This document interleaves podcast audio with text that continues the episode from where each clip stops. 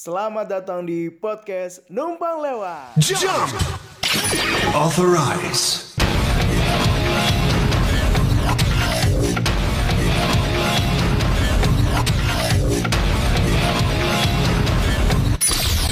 Prog Rise!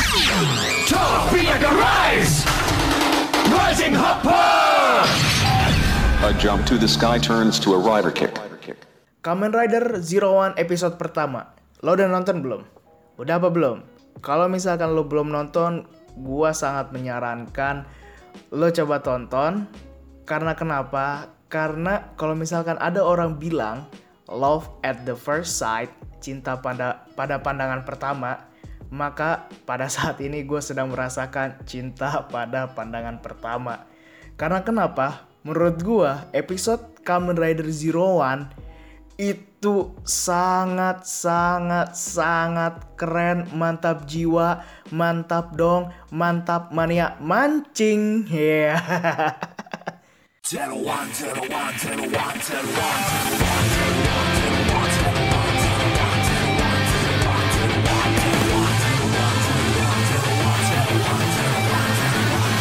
Yang terjadi di episode pertama Kamen Rider Zero One kurang lebih sih cuma ini ya pengenalan tokoh, pengenalan karakter dan pengenalan cerita awal yang juga kerap kali mungkin ketika lo menonton lo bisa kalau misalkan lo rajin gitu kan lo orang yang suka sekali berteori-teori gitu kan menciptakan teori-teori fans ya banyak-banyak lah uh, Easter egg Easter egg gitu ya kalau menurut gua sih ya. Tapi singkat cerita keseluruhannya kurang lebih kayak ada perusahaan namanya Hidden Intelligence dia itu ketuanya yang pertama meninggal dunia kemudian mencari penggantinya dan ternyata diwasiatkan sama si pemiliknya ini adalah yang menggantikan dia sebagai uh, ketua daripada perusahaan Hidden Intelligence adalah uh, cucunya sendiri yaitu Hidden Aruto. Dan Hidden Intelligence ini perusahaan ini tuh bikin namanya Humagear sebuah uh, perusahaan yang membuat artificial intelligence kecerdasan buatan yang berbentuk uh, manusia gitu manusia robot android dan lain sebagainya lah pokoknya gitu. Makanya namanya Humagear yang awalnya diperuntukkan Humagear ini untuk membantu daripada kerja-kerja kita manusia sehingga manusia menjadi uh, kurang bebannya karena terbantu oleh Humagear tapi sayang seribu sayang ternyata ada yang ingin melakukan tindak kejahatan yaitu menghancurkan seluruh manusia. Menggunakan Humagear ini yang dibikin sama dia pakai al ada alat tuh tapi nggak tahu itu alatnya apa lupa.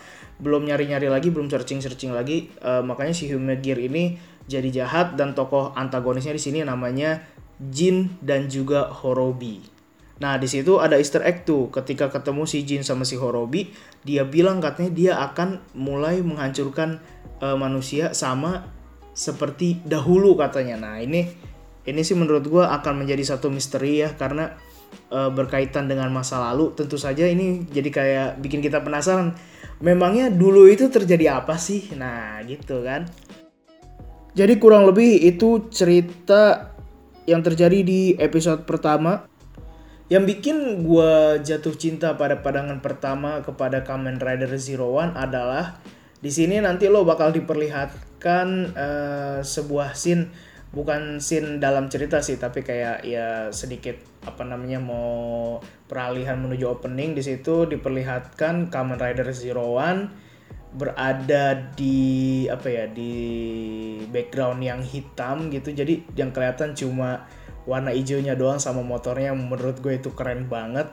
Itu kayak glow in the dark bikin lo inget sama Kamen Rider Vice. Dan itu sangat-sangat cantik luar biasa mantul mantap betul. Dan kalau lihat suasananya itu kan suasana yang sangat-sangat futuristik ya. Membuat kita seolah-olah itu memasuki gerbang atau zaman yang baru ya kan?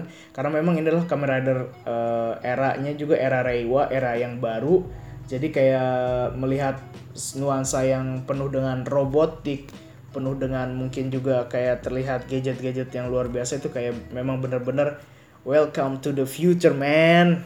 Luar biasa lah pokoknya. Sangat amat membuat kita merasa masuk ke zaman atau era yang baru. Dan hal lain yang bikin gua merasa love at the first sight, cinta pada pandangan pertama adalah gua ngeliat karakter-karakternya. Coba kita bahas satu persatu. Yang pertama, karakter daripada eh, seorang Hiden Aruto. Dia tokoh utama di sini yang menjadi Kamen Rider Zero One. Nah, di cerita di episode pertama ini ternyata kita tahu dia itu adalah seorang eh, stand up comedian ternyata stand up comedian seorang pelawak tunggal yang ternyata lawakannya tidak lucu. Akhirnya dia dipecat dan dia digantikan sama eh, artificial intelligence sama Humagir itu yang ternyata lebih lucu dibandingkan dia. Tapi dia punya niat kenapa dia pengen ngelucu kayak gitu karena memang dia niat awal dia adalah ingin membuat semua orang bahagia. Sungguh mulia bukan tujuannya meskipun ya dia tidak bisa melakukan itu gitu. Dia nggak bisa ngebikin ketawa semua orang. Nah di situ kita bisa lihat ya mungkin dari tingkahnya yang teriak-teriak, yang di awal bangun telat, yang ketika berubah jadi Kamen Rider juga masih ada bodoh-bodohnya ya. Ini karakter yang ceria, yang periang, yang mungkin banyak sialnya juga dan yang dari sialnya itu dijadikan guyonan-guyonan gitu ya ngingetin gua sama ini aja sih sama Kamen Rider Den-O gitu kan Ryotaro sama Momotarosnya itulah dan kawan-kawan yang bikin lucu gitu yang bikin nuansa-nuansa humornya ada. Tapi selain daripada dia jadi orang yang kocak-kocak kayak gitu kan orang yang berisik dan lain sebagainya ternyata dia punya sisi kekulan men. Kekerenan dia gitu. Ketika musuh datang ya kan dia beru mau berubah itu menurut gue sih momen yang paling keren yang terjadi di episode ini adalah ketika dia berubah. Dia seolah-olah berubah dari satu karakter ke karakter yang lain gitu. Jadi kayak gue harus selamatin lo. Sini mana drivernya. Kayak gitu kan. Mudah-mudahan sih mudah-mudahan karakter seperti ini menjadi karakter yang kuat dan diperankan baik sama si pemerannya ini. Dan jangan sampai menjadi ampas pokoknya ya. Jangan sampai ampas mudah-mudahan tetap keren sampai akhir. Dan satu lagi hal yang unik ya. Ketika si Hiden Aruto ini mau berubah ini kalau menurut gue sih koreksi kalau gue salah ya. Ini kayaknya menjadi satu-satunya rider yang berubah dia baca manual booknya.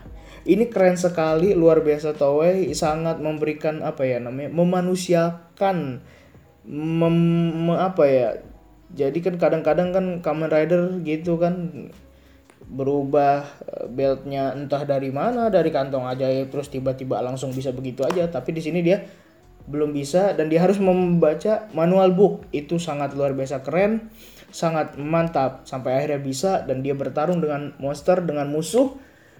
Dan gaya henshinnya suara henshinnya dan finishing atau apa namanya finishernya itu keren banget.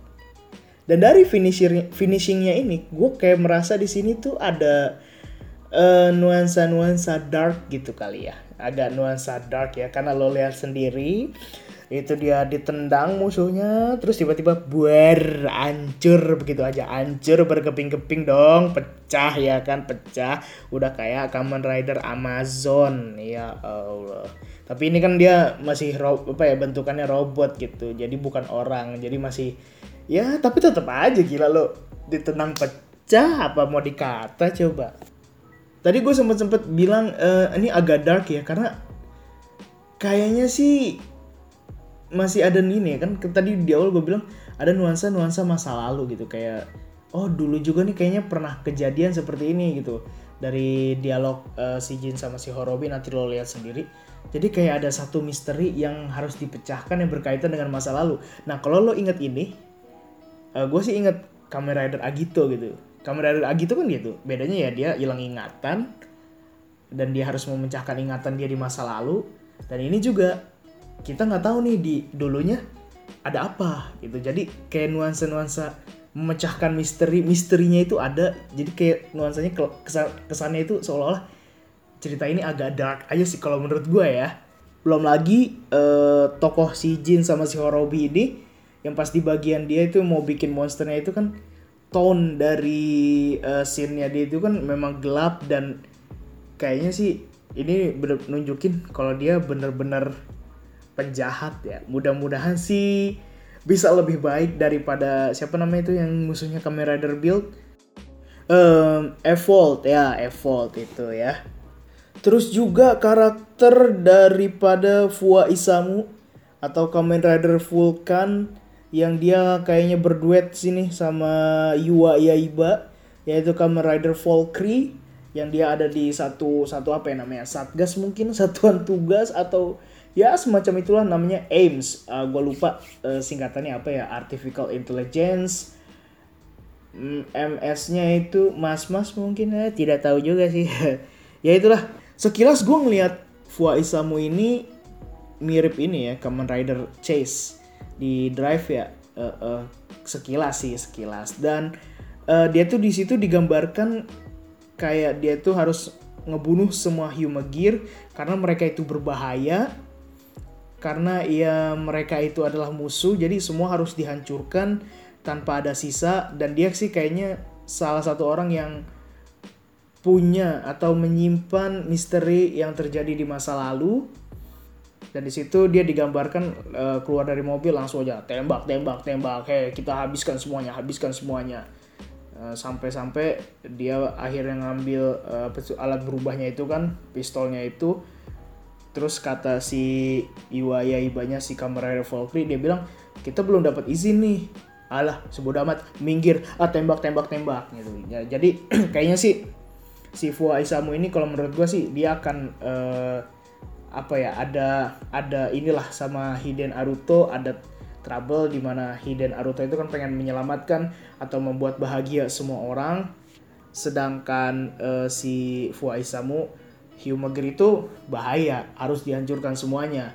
Nah ini nanti kayaknya yang akan terjadi di episode kedua kan Hyumager itu teman atau musuh. Nah itu akan mungkin konfliknya akan mulai merekah mulai berkembang di situ. Dan uh, kalau menurut gue sih si Iwa Yaiba ini yang katanya uh, dikontrak cuma 12 episode yang ternyata itu adalah hoax ke Kamen Rider Valkyrie akan menjadi orang yang di tengah gitu. Kayak dia tuh temenan sama si Fua Isamu kan? Si Fua Isamu maksud gue uh, satu grup gitu. Terus si Fua Isamunya ada bentrok sama Hiden Naruto akhirnya eh lo jangan gini dong begitu begitu deh pokoknya menurut gue sih ini akan sangat seru ya. Mudah-mudahan sampai akhir juga akan seru. Uh, terus karakter dan juga tokoh selanjutnya yaitu Izu yang merupakan android atau human gear yang kayaknya dia itu bakal ngebantuin si Hiden Aruto karena dia dia juga yang ngasih apa namanya drivernya ke si Aruto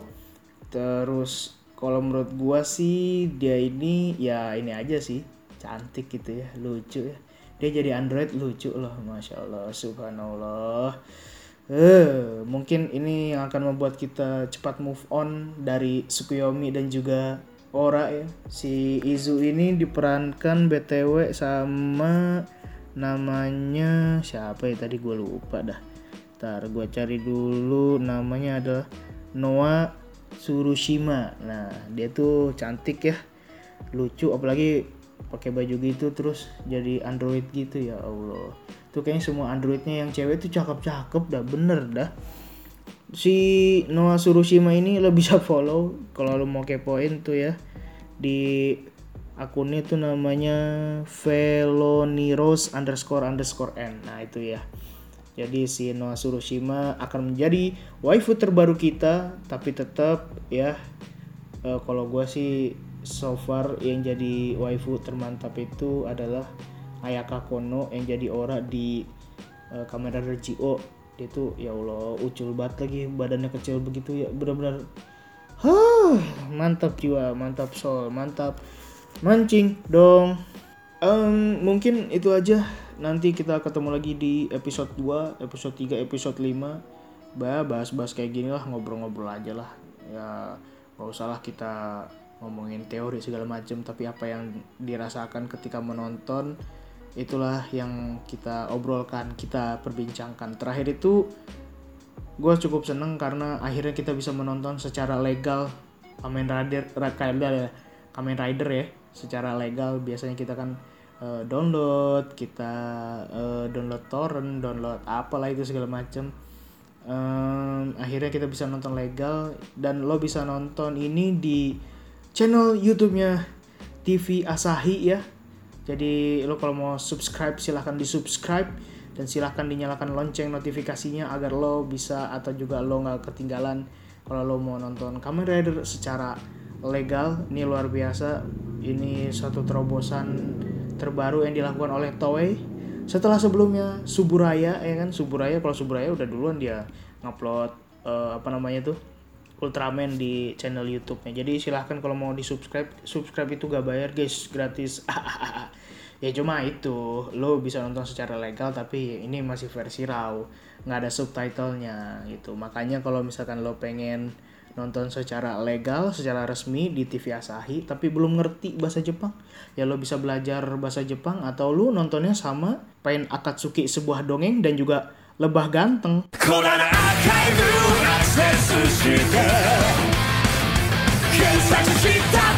I don't think it's wrong.